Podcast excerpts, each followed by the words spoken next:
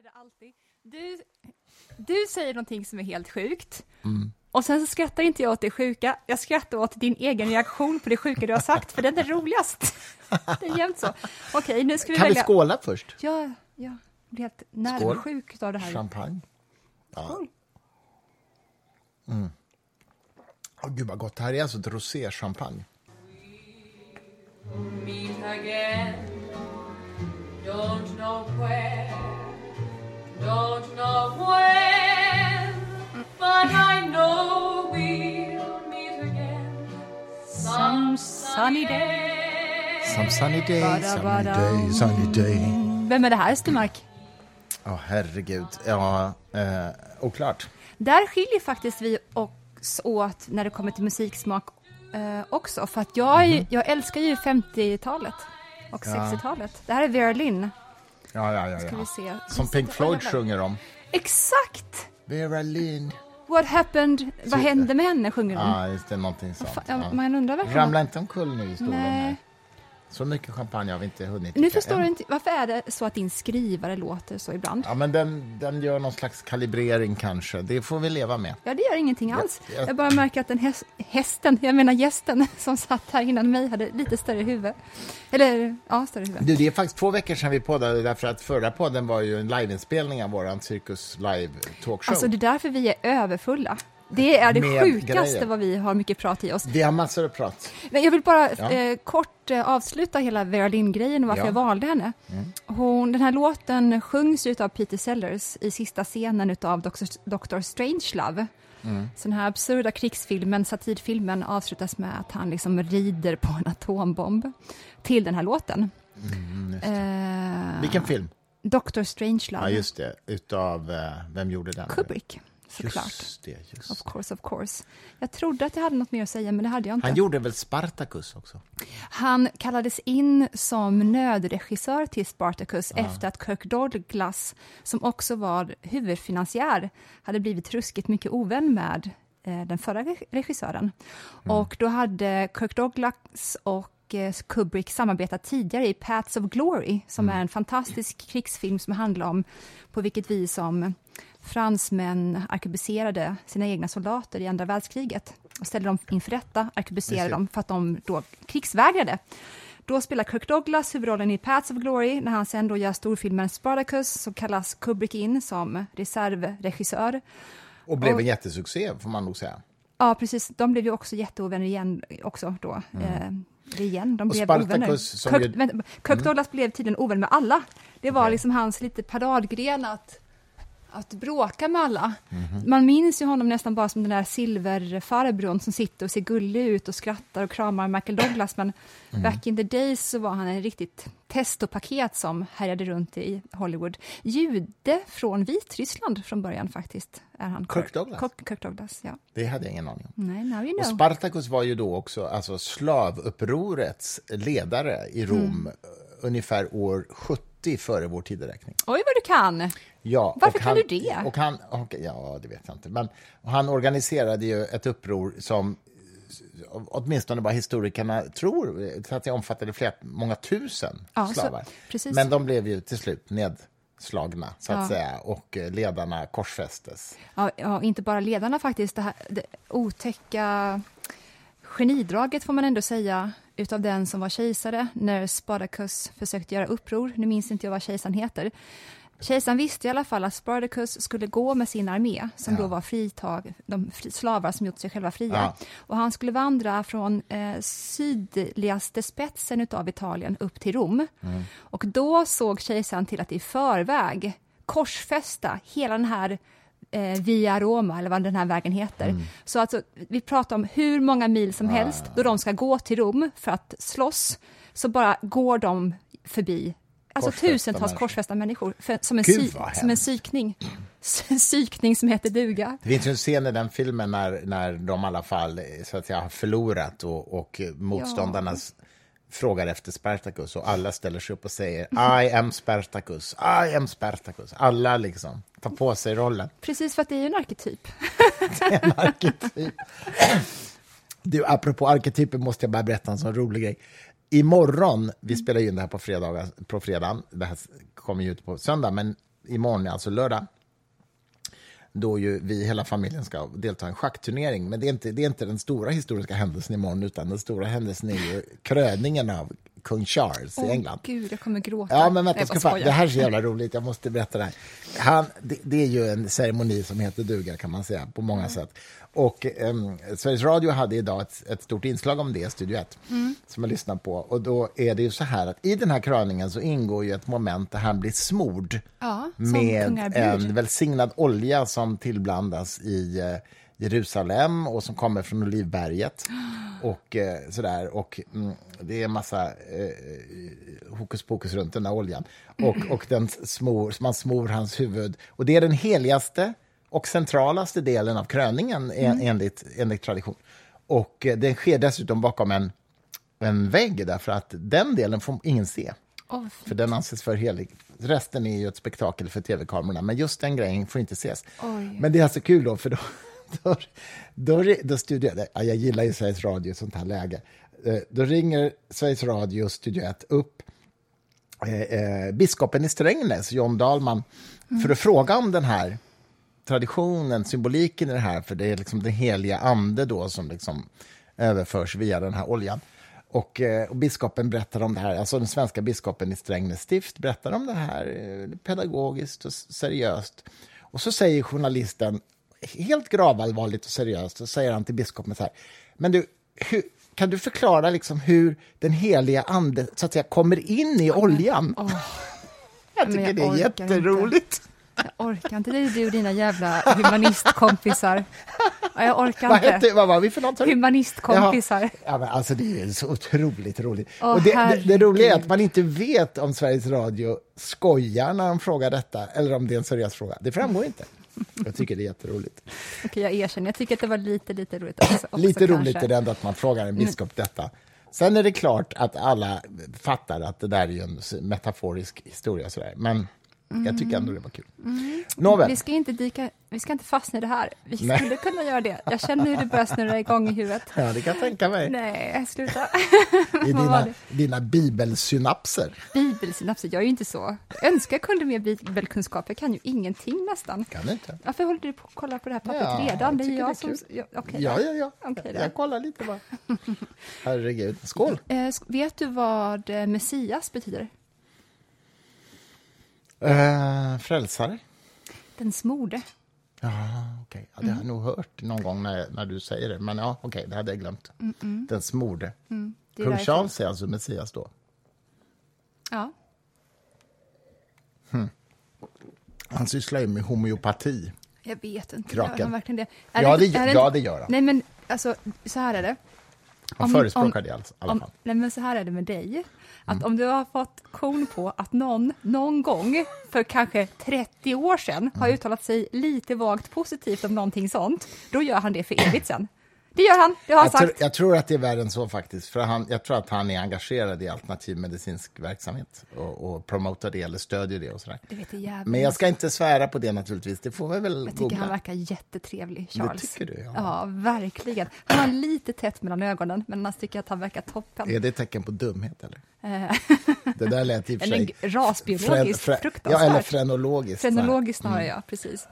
Vad var det jag tänkte säga? Jo, jag kanske kan använda det här som en ingång till någonting som jag vill prata om lite grann. Mm. Och det är eh, Österrike och Ungern som jag har en återvunnen kärlek till. Nämligen att det du sa nu om eh, att jag förknippade rasism med freno, frenol, Frenologi. Mm. Hur säger man det? Frenol, Frenologi, alltså Frenologi. läran om hur, hur eh, hjärnan och ansiktsuttryck korresponderar mot personlighet. Det är ju en Ja, precis. pseudovetenskap. Ja, visst, säga. Mm. precis. Och där i förlängningen kommer ju också rasismen därifrån. Ja, ja, att man oh ja, säger är ju då att de här eh, sättet som kropparna och huvudet och allt fysikaliskt är Mm. utformat är då typiskt för en viss sorts ras. Mm. Och den här eh, rasen inordnas också i en hierarki bland andra raser. Men vad jag tyckte var Mm. Absolut. intressant nu när jag håller på och läser i Gödel-biografin som ni har gett ut precis, Mm. mot förnuftets gränser, eller vad heter den? Till förnuftets gränser. Ja, vad heter den? Gödel i, i huvudtiteln, alltså Kurt Gödel. Ja. eh, Ja, ni kan bara söka gränser, på det. Toppen på Mm. svenska har den kommit. Alldeles ny Gödel-biografi, ja, precis. Ja. Eh, då kan man läsa om hur eh, Wiens borg, borgmästare ungefär runt år 1910 eh, Hitler hängde mycket i Wien runt 1920. Och den här borgmästaren som då har suttit ganska länge, han var ju en superantisemit. Eh, och eh, han höll konstant på att påpeka om judarnas näsor och att de var utsugare. Och han vände sig oftast till eh, de lägre klasserna när han pratade. Och han hade också som strategi uttalad att han skulle bara använda sig av emotionella argument. Han skulle aldrig vara saklig med någonting. Han skulle alltid hålla sig borta från men hur ser det egentligen ut här med att de skulle eh, begå eh, fler brott av den här sorten? Och Är det verkligen så att de på nätterna smyger ut och stjäl barn? Ing- Ja, utan han skulle bara anspela på människors känsla utav saker och ting. Och när Hitler sen så småningom då, han tog mycket inflytande utav honom, att det var helt eh, eh, Han blev accepterat. inspirerad av honom. Ja, precis. Ja. Eh, Men grejen var den att när Hitler sen började komma till eh, 1933 i Tyskland, när han tog makten där, då förkastade han den här borgmästaren, för att den här borgmästaren inte grundade sin rasism på den vetenskapliga rasismen. Aha, ja, okej. Han gick bara på känslan, den här Ja, borgmästaren. intressant. Och- Just det, och för man hade ju Hitler- stöd av, av en vetenskap Ja, som man trodde var vetenskap, som inte var det. Precis, och det var Mm. jätteviktigt för Hitler att man var rasist på rätt sätt Ja, och att det var på en intressant. vetenskaplig... På vetenskaplig grund. Ja, precis. Det där används ju ibland som argument mot vetenskaps, vetenskaplig vad ska man säga, tilltro. Så att säga. Och jag, jag, jag, jag tycker det är ett inte så bra argument. För att det är ju naturligtvis så att vetenskapliga resultat kan ju både brukas till bra och dåliga saker. Eh, alldeles oavsett om de är sanna eller falska. I det här fallet var det ju falska resultat, men det visste man inte då. Dessutom, Man nej. visste inte det då. Och- och- Och det kommer ju hända igen att vi tror saker vetenskapligt som visar sig felaktiga, i och för sig. Men i slutändan handlar det ju om hur, hur, vi, hur vi använder det, såklart. Nej, men vad de här människorna oftast har missförstått det är att vetenskapen är en metod. Exakt. Och den Och metoden, ingen annat, ingen till, värdering. Mm. till skillnad från dogmer eller värderingar, precis, så att har man en gång kommit fram till ett felaktigt resultat, då tack Mm. och lov finns vetenskapen där till er tjänst och kan då se till så att de här omprövas och korrigeras när nya generationer kommer, till Exakt. skillnad från de religiösa dogmerna. eller, Ja, exakt. Och det är ju liksom, precis som du säger, inbyggt i den vetenskapliga metoden att den är självkritisk. Det är liksom hela poängen. Precis. Och att det inte ska finnas dogmer där i. Mm. Men det gör väl det ändå eh, eftersom det är människor som fyller Absolut. akademierna och att Ja. det är väl inte så att någon säger rakt ut det här är en dogm, don't go there, utan det är bara en emotionell reaktion som vi människor har. Ja, att, Det finns, ju inga, det finns inga vetenskapliga dogmer i själva den vetenskapliga Nej, metoden, precis. men i människorna finns det ju ett, en slags tröghet. och Man håller fast vid en teori för länge. Och och man, och man absolut. uppmuntrar inte människor att forska på vissa saker. Ja, absolut, absolut. dessutom. Ja. Och, med, och det styrmedlet är ju pengar då. Så att Ja. på så vis kan man ändå se till, se till så att vissa ämnesområden eh, vaktas på ett dogmatiskt vis utav de Mm. Så här en- grindväktarna som är människor. Och det är ju en av de stora diskussionerna just nu med politisk styrning av akademin och sådär. Alltså att man, man tycker att viss, man ger pengar till viss forskning och inte till annan och sådär. Det finns ju en, en sån problematik. Ja, Men, klart, men ja. jag, jag, jag tänker ändå, jag är ändå optimist när det gäller den vetenskapliga metoden och tänker att den rensar upp sig själv åt, åtminstone över lång tid, så att säga. Men Mm. kanske inte här och nu, just nu. och så där. Det berömda, mesta, det berömda fallet kanske är, eh, nu har jag glömt vad han heter, men han som upptäckte, eller som hävdade att eh, magkatarr var orsakat av en bakterie och inte utav stress. stress och sådär. Och Losec, du vet, den här medicinen som ju läkemedelsbolagen tjänat otroligt mycket pengar på, eh, hävdade ju att det här var inte bakteriellt. Han hävdade att det var det. Och liksom, läkemedelsindustrin var ju inte intresserad av det. De ville ju kunna fortsätta sälja sina läkemedel. Och även den vetenskapliga världen som inte var kommersiellt styrd trodde verkligen inte på honom. Och det slutade ju med att han, han tog fram den här bakterien, renodlade den på något sätt och svalde den själv för att visa att han fick magsår själv. eller magkatarr. Och dog. Nej, det gjorde han inte. Han fick Nobelpriset däremot. För att, just därför att den vetenskapliga metoden till slut fungerade. Och hans upptäckt erkändes. Men det tog ju, så här skulle jag säga, det tog längre tid än det borde ha gjort för acceptansen. Ja, jättebra. Men sanningen segrade. Det var väldigt bra. Vet du förresten, apropå vetenskap, vad som händer om man tar ut en människas eh, lungor och spänner upp dem över en fotbollsplan? Jag, nej. Man dör. Ja, men gud, skulle det där varit ett, var det där ett skämt? Apropå vetenskap. Alltså, Jesus Christ. Nej, jag bara skojar. Ja. Vad heter det? En. Däremot är det så att en hunds lukt sinne är stort som en fotbollsplan har jag hört medan en människa ses som en, inte vet jag, en handduk eller sådär.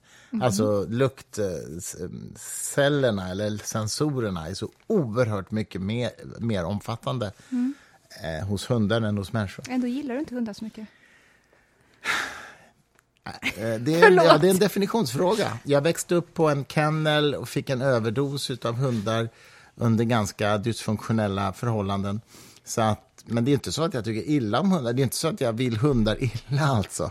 Jag är den första att hävda att man borde ha en mycket bättre djurhållning i, i djurindustrin överhuvudtaget och tycker att man ska få betala mer för kött och sådär för att djuren ska ha det bättre. Mer för hundkött. Mer för hundkött.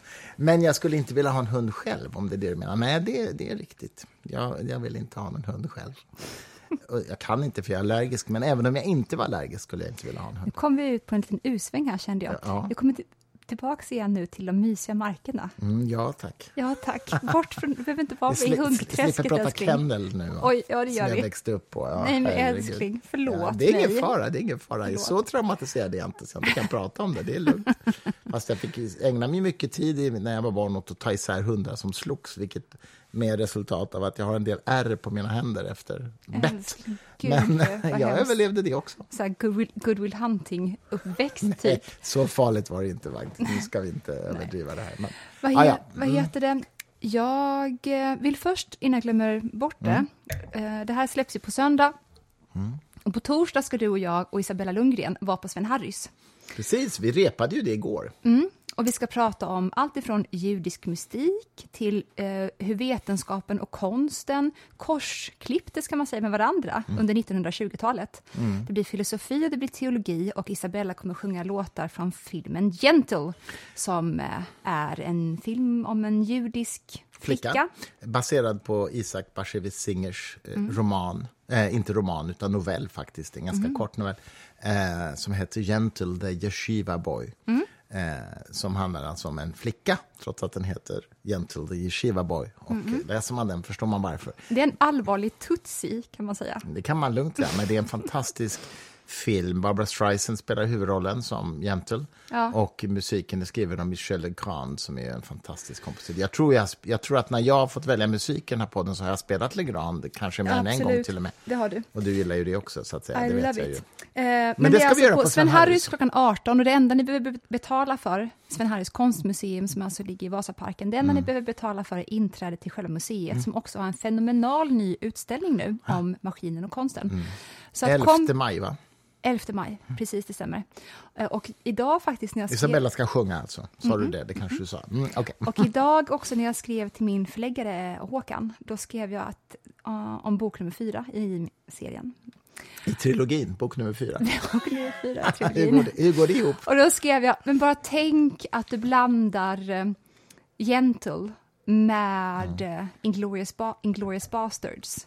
Åh, herregud. Det är Ja. kul, eller hur? Tarantino alltså. Ja, Gentle och Tarantino. Den Jag kan judiska, inte riktigt se det framför mig, men den okej. judiska musiken, en ung stark kvinna och sen så galna nazistjägare på det. Kul va? Alltså, I love it. herregud. Ja, det låter häftigt. Är det ovanligt varmt här inne? Nej. Okej, varför sitter du i någon sån här polo? Nej, men jag har haft på mig det idag. Alltså, ursäkta mig, men jag har inte bytt om. Jag svettas typ. Berätta något för mig, Sturmark. Oj, nej men eh, ja, jag kan berätta att jag idag, det blev lite allvarliga idag, men idag var jag i förvaltningsrätten och lyssnade på eh, rättsprocessen kring professor Staffan Bergströms indragna läkarlegitimation eftersom han hjälpte en, en människa att avsluta sitt liv för två år sedan. Och eh, eh, IVO, som det heter, drog in hans eh, eh, läkarlegitimation för detta och han har överklagat det till förvaltningsrätten. Det var jätteintressant att se hur en sån rättsprocess går till. Eh, så jag satt där tillsammans med en PC Jersild, eh, Bengt Westerberg var där och eh, ett antal personer som är engagerade i dödshjälpsfrågan, alltså som alla vill se en legalisering. Och Staffan Bergström själv förstås var ju där, och hans advokat. Det var, det var superintressant, mm. ärligt talat. Och de hade kall, kallat Nils Lynne eh, som vittne. Eh, han är professor emeritus i medicinsk etik, mm. eh, som talade till Staffan Bergströms fördel. Så att säga. Jag är jätterörd av det här. Ja, nej, men det, det här är ju extremt allvarliga och jobbiga frågor, men jag tycker, jag, jag, jag har ju sagt många gånger att jag vill ju se en legalisering. Jag tycker Sverige är väldigt backwards på den här punkten. Men det var bara intressant att se hur det här gick till. Så, så där satt jag på åhö, åhörarbänk idag i ett par timmar i alla fall och lyssnade på detta. Mm. Um, det kan jag berätta. Annars så, uh, ja, vad ska jag berätta mer? Jo, jag kan berätta att jag om någon vecka ska vara med i ett SVT-program och prata om artificiell intelligens. Det, är ju, det gör ju typ alla just nu, så det är ju inte så originellt. Men jag tycker verkligen att det är fascinerande och ganska oroväckande, det som händer just nu. Eh, vi har ju pratat tidigare i podden om chat, ChatGPT 4. Jag berätt, berättade om vad den säger om mig, eller hur? Mm -hmm. Men det är inte det jag vill prata om nu, utan eh, snarare det faktumet att jag läste en artikel av jo, uh, Harari, mm. vad heter han, Jovel Harari, eh, som resonerade kring det här att vi har den första fasen av AI i det offentliga rummet, det var ju när eh, när olika algoritmer på Facebook och så där började kurera och rikta eh, information individuellt till personer efter deras preferenser och deras profiler och deras sökhistorik och allt vad det är. Mm. Eh, och eh, det vet vi vad det fick för effekt. Det ökade polariseringen, det, det, bidrog till att Brexit vann till exempel. Det bidrog till att Trump vann i USA. Så där. Alltså att människor i sociala medier och så där fick liksom nyheter som bara passade deras värderingar. Alltså att de ännu mer låstes in i den här filterbubblan, så att säga. Mm. Och eh, Harari skrev någonting som jag tycker var väldigt klokt. Han skrev att man ska komma ihåg att språket är ju eh, den mänskliga kulturens operativsystem, så att säga. Och alla våra värderingar och ståndpunkter formas ju i en språklig kontext eh, utifrån vad vi läser och vad vi tar till oss för information. Och vi såg hur den här första generationens liksom, AI-manipulation eh, vad den gjorde, alltså just att den kurerade innehåll på det här viset, det skapade ökad polarisering, ökad populism, olika konspirationsteorier, Qanon och, och det här som jag just nu sa. Men då ska man komma ihåg att då var fortfarande innehållet skapat av människor. Det kurerades av en AI-algoritm, men allt innehåll var skapat av människor. Kanske mm. trollfabriker förvisso, eller foliehattar mer eller mindre i viss mån. Men det var ändå skapat av människor. Nästa steg i det här är ju naturligtvis att de här ChatGPT-systemen skapar allt content också. Mm. Man kan ju väldigt lätt sätta igång olika ChatGPT-system som frågar ut varandra eller liksom ber varandra om att producera debattartiklar eller politiska manifest eller tal eller vad du vill. Va? Mm. Eller deepfake-videos och sådär. Och grejen är att när man väl har satt igång de här systemen att, att producera content, då kommer vi ha en situation där AI-system kurerar content till, individer och innehållet också är skapat av AI. Mm. Och den som vet lite om datateknik inser att det här innehållet kommer ju skapas många miljoner gånger snabbare än trollfabriker, mänskliga trollfabriker kan göra. Mm.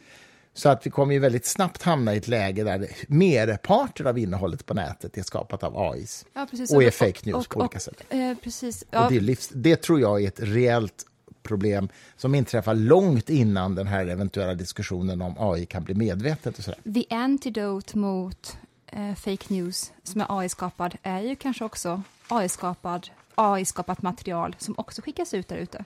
Alltså det blir ett AI-slag mellan ont och gott. Det är inte bara så att den ondskefulla sidan har AI till sin nej, tjänst. Den nej, inom citationstecken, den goda sidan har ju också ja. AI till sin tjänst. Jo, det är ju förvisso sant. Alltså. Med samma hastighet, ja. med samma omfång av produktion. Ja. ja. det är ju naturligtvis ett, ett, argument för att det skulle kunna bli... Men det, men det blir fortfarande liksom en för, kanske då en terrorbalans mellan innehåll som ingen människa riktigt har kontroll över. Och det blir jävligt märkligt. Märkligt räcker nog inte för att jag ska landa någonstans i detta. Jag har ju så liten tilltro till människors förmåga att skapa innehåll Mm. från början, så att jag eh, är helt agnostisk till Det var som någon som vilka sa att effekter det blir av AI-produktion. Ja, ja men det är jag väl också i någon mening, men jag tycker ändå att det är en intressant scenario att, att liksom fundera på. Ja, det tycker jag också. Och det var som någon sa att eh, det kanske blir så att nu säger vi till våra barn att tänk på att allt du läser på nätet inte behöver vara sant, Mm. till att vi måste säga tänk på att stort sett allt du läser på internet är falskt. Så att säga. Men det är ju jättemärkligt att säga så. Vad menar du när du säger så? Jag, men, jag menar att det kommer inte gå att skilja på sann content producerad av säkra, säkra källor ifrån den- denna en- overflow utav Det är ju en annan sak, men att säga att allt är falskt Nej, men jag menar inte allt, men jag menar helt enkelt att det kommer vara en sån otrolig mängd av information så Ja. att det kommer inte gå att sålla. Nej. Och det, det får mig att tänka faktiskt på, du vet, eh, vad heter han? George Louis Borges heter han väl, Mm. om jag vet inte om jag uttalar det rätt, spansk författare. Han skrev ju en bok på 40-talet som hette La Biblioteca de Babel, alltså The Library of Babel. Mm. Du vet den bibliska historien om Babels torn. Ja. Här är Ska, jag säga, ska vi säga den? Ja, men ja men berätta det. den, snälla. Du Ja, kan men den det, bättre än var, jag. det var ju så här att eh, människorna, förmodligen någonstans i Syrien, enligt the, the story goes, eh, de skulle bygga ett torn som var så högt att det nådde till Gud och himlen. Mm. Detta är alltså en Ikaros-historia. Babels torn, ja. Ja, eller det är också en... ehm, Ja, men att människan ska sträcka sig bortom sina egna begränsningar. Mm. Det är inte okej enligt Gud. Framförallt inte enligt den gamla, testament, gamla testamentets Gud. ja. Så att eh, när människan då drabbas av det här övermordet så brukar Gud i de bibliska berättelserna straffa människan på olika sätt. När eh, man har uppfunnit guldkalven, när Moses ska ta slavarna från Egypten tillbaka till Israel, då gör ju de en avbild av Gud och då straffar Gud dem genom att låta dem attackeras av massa ormar. I fallet av Babels torn, då straffar han människan genom att ge dem olika språk. Ja, precis. Så att de inte kan kommunicera med varandra. Ja, precis. De, de talade samma språk fram tills, att, tills högbordet kom. Ja, precis. Mm. Precis, det är ju den bibliska historien. Och eh, Borges, eh, Borges eh, Library of Babel Eh, är, bygger ju på den idén. Library Babel är ju helt enkelt en, en fiktivt bibliotek som innehåller alla böcker på 410 sidor som går att producera genom att kombinera alfabetets bokstäver. Så att säga. Det, det är alltså ett totalt tankeexperiment såklart. Ja. Men liksom allting som går att trycka på 410 sidor med alla tänkbara bokstavs och ordkombinationer som Gud. språket ger. Ja. Och, och jag tänkte på det när jag, när jag tänkte på det här med att ChatGPT X kommer att producera så mycket innehåll på nätet så att det kommer liksom dominera, det, det kommer dominera från det mänskligt producerade. Det är ju samma sak i det här, liksom det är som ett universum det här biblioteket, där precis allt som går att skriva är skrivet. Allt som går att säga sägs. Allt som går att säga sägs. Och man inser ju naturligtvis då att, eh, att de allra flesta böckerna kommer innehålla bara obegripliga ord, bokstavskombinationer. Det är ju helt poänglöst. Eller ordkombinationer kanske, var, jag vet inte. Och, och då är det Men, ordkombinationer som kanske en gång i tiden i framtiden kommer att betyda någonting när språket utvecklar sig också. Så Ja, det, ja, ja. redan det framtida språket besitter det här biblioteket. Ja, ja, ja, men precis. Men det roliga är ju då att, att i det här biblioteket då så börjar ju människor, det uppstår massa olika saker. Det uppstår olika kulter, det uppstår idéer om att någonstans i det här biblioteket finns ju också boken som är ett index över alla de andra böckerna. Det måste du ju göra Ja. rent teoretiskt. Så att, säga, va? Och att, att hitta den, det är ju den heliga graalen på något sätt. För om man hittar ett index till de bö- alla böcker som finns så in, kommer ju indexet berätta vilka böcker som är liksom Det låser- något vettigt. det och de låser som inte. upp det. Det är som- det är som en rose- Rosetta-sten. Ja, ja, exakt. Eller, eller en helig graal eller vad man vill kalla det. Va? Ja, verkligen. Och, eh, Arketyp, och det arketyp. finns också i den här romanen en slags messiansk figur som kallas för på engelska man of the book Mhm. som, eh, som har liksom kunskap om det. Jag, jag, vet Jag måste inte. läsa. Ja, men det är, så- det är så totalt surrealistiskt. Han var ju, men det är alltså 19, jag tror den kom 1941, om jag minns rätt, Ja. eh, den här boken på spanska. Och eh, ja, men du förstår varför jag kopplar det till ChatGPT-problemet på nätet. Va? När nätet översvämmas med artiklar, texter som är skapade av AI. Precis, men då måste man, om man skulle som, zooma in på påståendet Mm. skapat av AI, då är ju det korrekt vid en första anblick.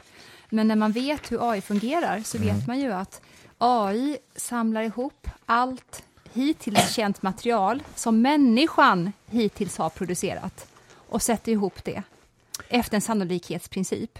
Så att det är ju inte så att den här sammansättningen, den står AI för. Men var materialet kommer ifrån, det är ju människan som har gjort det från början. Ja, men du, förlåt, jag måste, nu måste jag Så få AI peta i det här lite. Nej, men, gärna, men låt mig bara, Ja, en, en, eh, så att du vet vad du ska peta i helt och hållet. eh, till exempel, ifall det inte skulle finnas några människor, men ändå en AI-dator, då skulle inte den ha tillgång till det materialet som den Nej. har tillgång till idag. Så att det är ju någon form av 1.0 i det hela, eller hur? Och den Google-anställde som fick sparken för att eh, han ställde frågor om AI var rädd och sådär, eller AI svarade att den var rädd, för, och den var rädd för att den skulle stängas av. Då kan man säga, eh, ja, det är AI som svarar det, men egentligen så är det ju inte AI som svarar det. AI bara rapar upp den här efterapningen som en papegoja. Därför att vad den AI har gjort, det är att den har in, läst in på allt material som finns över hela nätet. Och där i finns det berättelser, A.C. Clarke och sådana, ehm, science fiction-författare, som har skrivit om AI-datorer som har varit rädda för att stängas av. Så den bara säger de sakerna. Visst, AI sa det, det är AI-producerat, men det kommer från människan. Ja, just det. Men invändningen mot det resonemanget då, det är att de här ChatGPT, så kallade large language models, LLM, LLM som det här bygger på, det är ju då en statistisk ordanalyssystem, så att säga. Och vad de gör är ju inte vad man skulle kunna tro, att de kollar så här på artiklar som handlar om det ämnet som jag har frågat om och sammanställer dem, utan vad den gör är att den tittar på ordnivå. Vilket ord är det mest sannolika som, Var kommer som kommer efter, ja, men vänta, som kommer efter det, det här ordet som den just nu har. Och då är det naturligtvis så att det kan ju i många fall stämma med ett, ett utbud av artiklar på det här ämnet, men det behöver inte göra det. Så att det, det, det, det finns liksom en osäkerhetsmoment i det, därför att det är liksom på en mer atomär nivå som den sätter ihop sina texter. Det är inte så att den liksom hämtar färdiga Nej, precis. meningar. Men den atomära nivån, sannolikheten som den använder sig Ja, utav. det kommer från människor, ja. Exakt. Ja, ja, that's true. Det är ju inte från Men- växters beteendemönster. Nej, eller? men du, men om du låter en ChatGPT X producera content på nätet under ett halvår Ja. så kommer ju de nya ChatGPT-analyserna bygga på det, det innehållet och inte på människor. Ja, så att det är inte så länge till som det kommer bygga på människor. Eh, man kan säga så här, det kommer, kommer ett foto först. Mm. Det är det som människan har skapat. Sen tar in ett foto på det fotot. Exakt så Ett blir foto det. på ett Mm, foto, Det blir en slags rekursiv process. Men det är fortfarande så att innehållet i foton är fotplantat en gång av människan. Ja, ja, ja, men vi kommer längre och längre bort ifrån människan. Eller närmare och närmare. Som ett tankeexperiment. Varför är du så pessimistisk? Varför är det slut på min champagne? Helt rätt. Kan du lösa Pausa. det? Ja, jag låter den gå så klipper jag bort det sen. Är det inte roligt... Nu, förlåt. Nu har vi glasen påfyllda igen. Ja, tack. Är det inte roligt att jag då, som är den som hängett så många år åt Eh, zen-buddhism och kristna mystiker. Och bara vill prata om hermetism och eh, kabbala och sådana saker, då tror många människor på automatik att bara för att jag är den, den diffusa av oss två, mm då tror många människor att jag därmed borde vara den som är mest orolig för AI-hotet. Ja, men det är du ju. Nej, det, ja, ja, det tror man Och man nog. tror då att Det du då, som är den rationella, konsten att tänka klart, eh, människan och förnuftet och allt det där, då ska du vara den som är så här... nej, men- Teknikoptimist, ja. Teknik, precis. Men det är tvärtom här. Jag är den som bara vill valsa in i framtiden ihop med en AI-robot ungefär. Och du är så här, nuclear war, ungefär.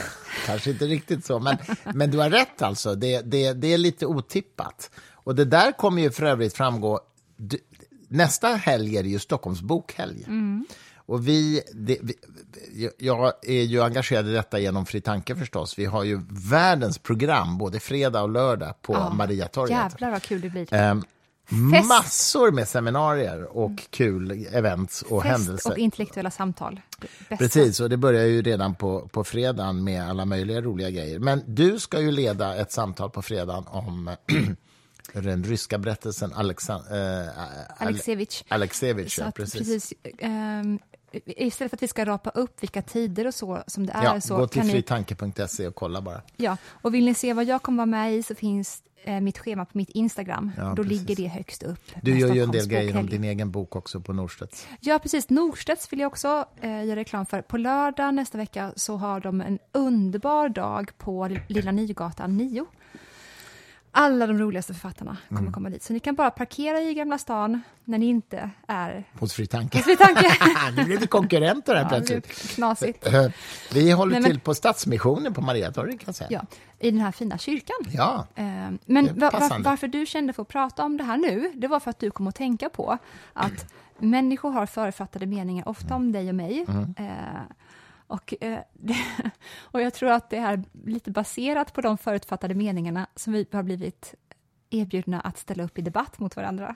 ja, det är så roligt. Vi ska göra det på lördag kväll på Mariatorget i denna kyrka. Ja. Om, om Guds existens och själens existens. Och Mm. det kommer ju vara en sån här där publiken får rösta vad, vad de tror på. Det är inte bara jag och Christer, det är Farshid Jalavand och sen så är det också Joel Halldorf. Mm. Ja, och debatten leds av Nina Hemmingsson. Precis. Är det någonting ni inte vill missa under bokhelgen så är det vi slåss på scen. Och det kommer bli blodigt. Jag Ja, det säger det. blodigt, Ingen inte- kommer hålla igen.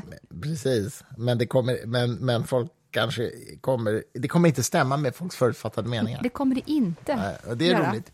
Men du, eh, jag måste bara få berätta en sak till och det är att jag håller på att läsa Werner Heisenbergs memoarer nu och det är så otroligt fascinerande. Alltså denna kvantfysikpionjär ehm, som liksom berättar om hur han kom in i fysiken och hur han började liksom tänka kring de här grejerna på 20-talet. Och, eh, eh, det är som, det är som man, man åker i en tidsmaskin liksom till till den här tiden. Man måste liksom komma ihåg att då hade man ju ännu inte förstått vad det här var. Liksom. Man, han, Och med det, med det här, då menar du på vilket vis som den klassiska fysiken inte överensstämmer med den lilla precis. världen. Den föddes ju utav de här. Och det var ju liksom hela det här gänget. Det var Heisenberg, det var Bohr Mm. förstås, som var en slags pappa till det här. Eller egentligen Max Planck kanske ännu mer. Men, Ja.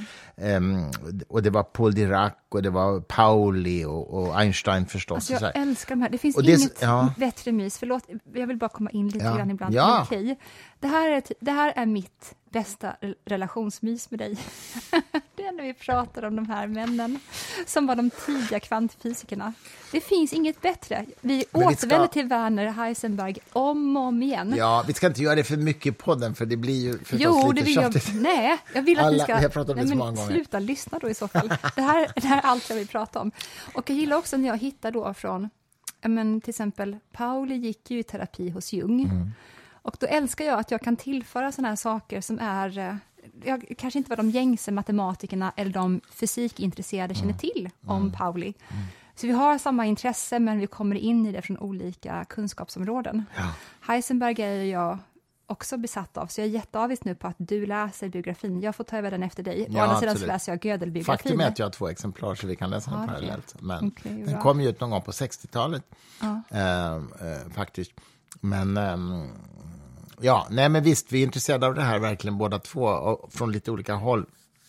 Eh, men det är så kul när han, för han skriver på ett sätt som är rätt ovanligt för biografier, han, eller memoarer. Han skriver liksom om samtal han har haft som han i stort sett återger i dialogform under många sidor. Det låter väldigt knausgårdianskt. Ja, det kanske det är. Ja, jag har inte läst Knausgård, men där han liksom sitter och snackar med Einstein och med, med Pauli och Dirac och sådär och diskuterar olika grejer. Och han liksom åt, återgör det med pratminus, liksom, vad de säger. Och det måste han ju göra ur minnet, en slags efterkonstruktion, men det är ändå väldigt häftigt. Och ett, ett långt kapitel handlar just om diskussionen om religion och vetenskap. Ja. Och det visar sig då att han sitter på Solvay-konferensen, det är ju den här berömda fysikkonferensen som hölls på 20-talet flera år. Ehm, som, som jag har förstått det finansierades av en mer eller mindre foliehatt, någon rik affärsman som var lite knäpp. Exakt, en tysk tror jag. Ja, ja det, jag kan inte den här historien riktigt, men han var liksom, han var inte, hade inte alla hästar Han var hemma i inte stallet. kosher, Nej. men han bidrog ändå till att de smartaste hjärnorna som var kosher han sammanstrålade. samlade ju alla. Einstein och Ja. Marie Curie och alla de här som jag nyss nämnde var på de här konferenserna och Mm. som ju verkligen la grunden liksom för den nya fysiken. Det, det, är, bara, det är ganska roligt, alltså, att, att han själv var ju till ganska knasbollig. Mm. Det var ju liksom. andra tider då, om man säger så också. Ja, det var inte så att man... Men det är så kul för att han återger då ett samtal just på Solveig-konferensen 1927, tror jag det var, där han sitter och diskuterar relationen mellan religion och vetenskap. Och det är så Heisenberg kul. gör det. Heisenberg gör det, med, med Einstein, med Bohr, med Pauli och Dirac. Ja. Och ehm, då framgår det ganska tydligt att Alltså det, och det är så enkelt att mappa mot dagens motsvarande diskussion. Därför att där har du då till exempel Pauli som är sådär väldigt, vad ska vi säga, tolerant mot religion. Han tycker så här, ja men religion handlar om värderingar och etik och fysiken och naturvetenskapen handlar om hur verkligheten är beskaffad. Och det, det, ska inte blandas ihop, men det kan samexistera. Det finns inga problem. Hur, Liksom, den, att- hur den yttre verkligheten är beskaffad. Ja, precis. Jag, jag, det, det finns, han menar liksom att religion och vetenskap är helt kompatibelt för att de sysslar med olika saker. ja, precis. Olika språk. Ja, ungefär olika språk och liksom non-overlapping magisteria som, eh, vem var det som sa det? Det var en, ja strunt samma, en biolog i vår tid. Ja, säg. Inflikningar bara. Du vet att 80% av Paul och Jungs brev handlar bara om synkronicitet. De höll på i typ 35 år att skriva om det där. Ja, jag kan tänka mig. Ja, precis, jag kan tänka mig det. Men sen har du då Paul Dirac, som ju är liksom, han är ju en hårdför ateist i det här gänget. Han säger så här, "Ah, religion det är fullständigt nonsens liksom. Alla kan ju inte ha rätt samtidigt och det är liksom, äh, det är bara bort från det där. Det skapar bara, det skadar bara människor och det ska, titta bara vad massa dogmer och liksom grejer som det för med sig. Han är liksom superhård, som somliga idag skulle kalla för militant ateist. Han avskyr detta. Liksom. Och Planck var tydligen väldigt eh, vurmade för kristendomen, möjligen som etiskt rättesnöre kanske snarare än så att säga empiriska trossatser förvisso, men han var ändå väldigt kristendomsvänlig. Jag tror att många av de männen i den cirkeln, Mm. de visste att eh, man var tvungen att använda sig av religionen som ett etiskt, formalistiskt system Ja. snarare. Ja. Men jag tror att deras bevekelsegrund ganska ofta Mm. var grundat på något annat. Det var bara det att det kunde de inte språkligt motivera på samma Nej, sätt. så kan det Förstår du. Mm. vad jag menar? Det tror jag verkligen är någonting som man måste hålla utkik efter. Eh, Ja. ja, men det tror jag du har helt rätt Framför i. allt när man är med logiker. Då går det inte att man Mm. motiverar sin tillhörighet inom någonting annat än något rationellt. Men, men Nej. ofta så är det så att ens bevekelsegrunder är mycket mera mjuka och uppluckrade än bara det man kan uttala i ett system. Ja men, ja, men det tror jag verkligen du, du har rätt i. Det tror jag verkligen du har rätt i. Och, och Heisenberg själv då, han som skriver det här, den här memoaren, han, han har inte han har ganska tydligt ingenting till övers för, för eventuella religiösa empiriska sanningsanspråk, men han är ganska tolerant mot religionen då. Och han skriver att han förvånas lite över hur mycket Einstein använder sig av religiösa metaforer, vilket ju Einstein gjorde i sin kommunikation. Därför, Heisenberg säger så här, det är så uppenbart att Einstein inte är religiös, men han pratar hela tiden om religion. Han liksom tycker Som någon annan jag känner, jag vet inte vem det är. Ja, ska se, jag har det på tungan precis. Ja, ja, ja, ja, ja, ja. ja, ja, det är bra. Nej, men, och, och, och han säger så här, han säger så här, Einsteins religion inom citationstecken, det är ju den otroliga förundran inför naturens skönhet och regelbundenhet, som ju Einstein håller fast vid så mycket så att han vägrar acceptera kvantfysiken. Ja. Vilket ju också är ganska rörande på något sätt. Jättekänsligt idag, nu börjar jag gråta för det också. Och Heisenberg säger så att det blev Einsteins religion, så att säga, inom citationstecken. För att han, blev, han var så stubborn med det här. Va? Ja, han precis, bråkade apropå, ju... apropå eller- dogmer. Ja, precis. Det blev en slags dogm. Han, han kunde inte tänka sig att det var som Heisenberg, och Pauli och de andra Nej. sa om, om, eh, om fysiken. Nej. Men eh, Och ja, d- och det är det- väldigt kul i alla fall att läsa den här skildringen liksom, av hur diskussionerna gick. Det finns en bok som inte publicerades eh, i Sverige, eller inte har gjorts, och den minns jag att jag lyssnade på en recension om i New York Times Book Review. Och den handlar om Darwin och skönheten. Hur han också hade en sån dogmatisk syn på just skönheten som verklighetens fundament. Och att när han pratade om survival of the fittest, det var egentligen ett steg som han kom fram till långt senare i sin, eh, vad ska man säga, vetenskapliga process. Men från början handlade det om survival of the beauty. Att det är skönheten som överlever allt hela tiden. Och att det fula sorteras bort, vilket ju inte är jätte-PK. Men eh, det är väl också vad man anser vara skönt såklart. Men det har ju såklart med eh, mönsterigenkänning att göra och regelbundenhet och så. Det är så vi människor med våra kognitiva förmågor uppfattar skönhet. I grund och botten är ju egentligen bara skönhet mönster. Ja, ja visst. Men det finns ju en diskussion inom evolutionsforskningen också om liksom, varför har en påfågelshanne en sån enorm, eh, vacker och tung fjäder, eh, du vet, eh, som ju ko- kostar massa energi att bära på. Eh, Kanske är det för att den vill signalera hannen att den har sån styrka så den kan bära på någonting helt onödigt. Alltså förstår du att det kan finnas såna Ja, ja signalsystem? det, det tror jag verkligen. Och samma är ju återkommande i Kina, där man snörade kvinnors fötter för att visa Ja, det. att de är, så, de är så förstörda, hennes fötter, så att hon, hon kan inte jobba. Alltså behöver hon inte det. Ja, just det. Det var därför de snörade ja, dem. det- Ja, jag vet. Det är där så helt absurt. alltså, det, är hemskt. motsvarighet. Richard Dawkins brukar ju ofta ha en påfågel... Slips, har du sett det? Han hade vet, det när han var hemma hos oss också. Ja, jag vet, jag vet. Han har alltid den han uppträder. jag, jag skulle vilja fråga honom Jag fick om... ett nytt bokmanus av honom idag. Jaså du. Han har en ny bok på gång, Är det om... Eh, vad heter det? The Genetic Book of the Dead. Ja, men det var den han berättade om här hemma, Mm, ja. som är en parafras eller en blinkning till den zen-buddhistiska boken Mm. Book, of the, Book of the Dead. Precis. Ja. Precis, och, och jag har inte hunnit läsa den ännu, för jag har precis fått det, men det handlar i princip om hur man kan genom att titta på DNA hos nu, nu levande varelser eh, lära sig någonting om hur deras liksom, ancestors såg ut, så att säga, på olika sätt. Mm. just Så, att det, så att det, det, är en, det är en bok om de, de döda. De som inte längre finns kvar kan vi ändå studera genom nutida DNA. Jag skulle ju, om, jag, om han hade varit lite mer vital när vi träffades kanske, Mm.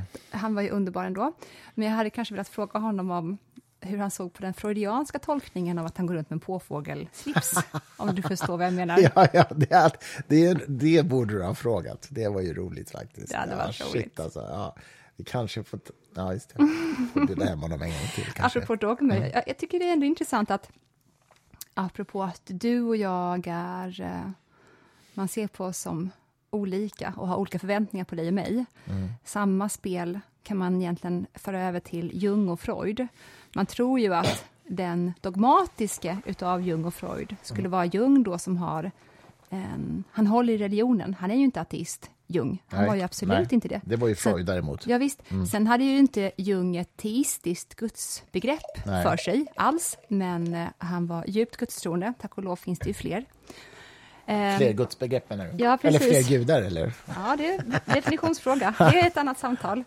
Men det intressanta är då att den som eh, alltså, trodde på Gud, Jung, var inte dogmatisk. Nej.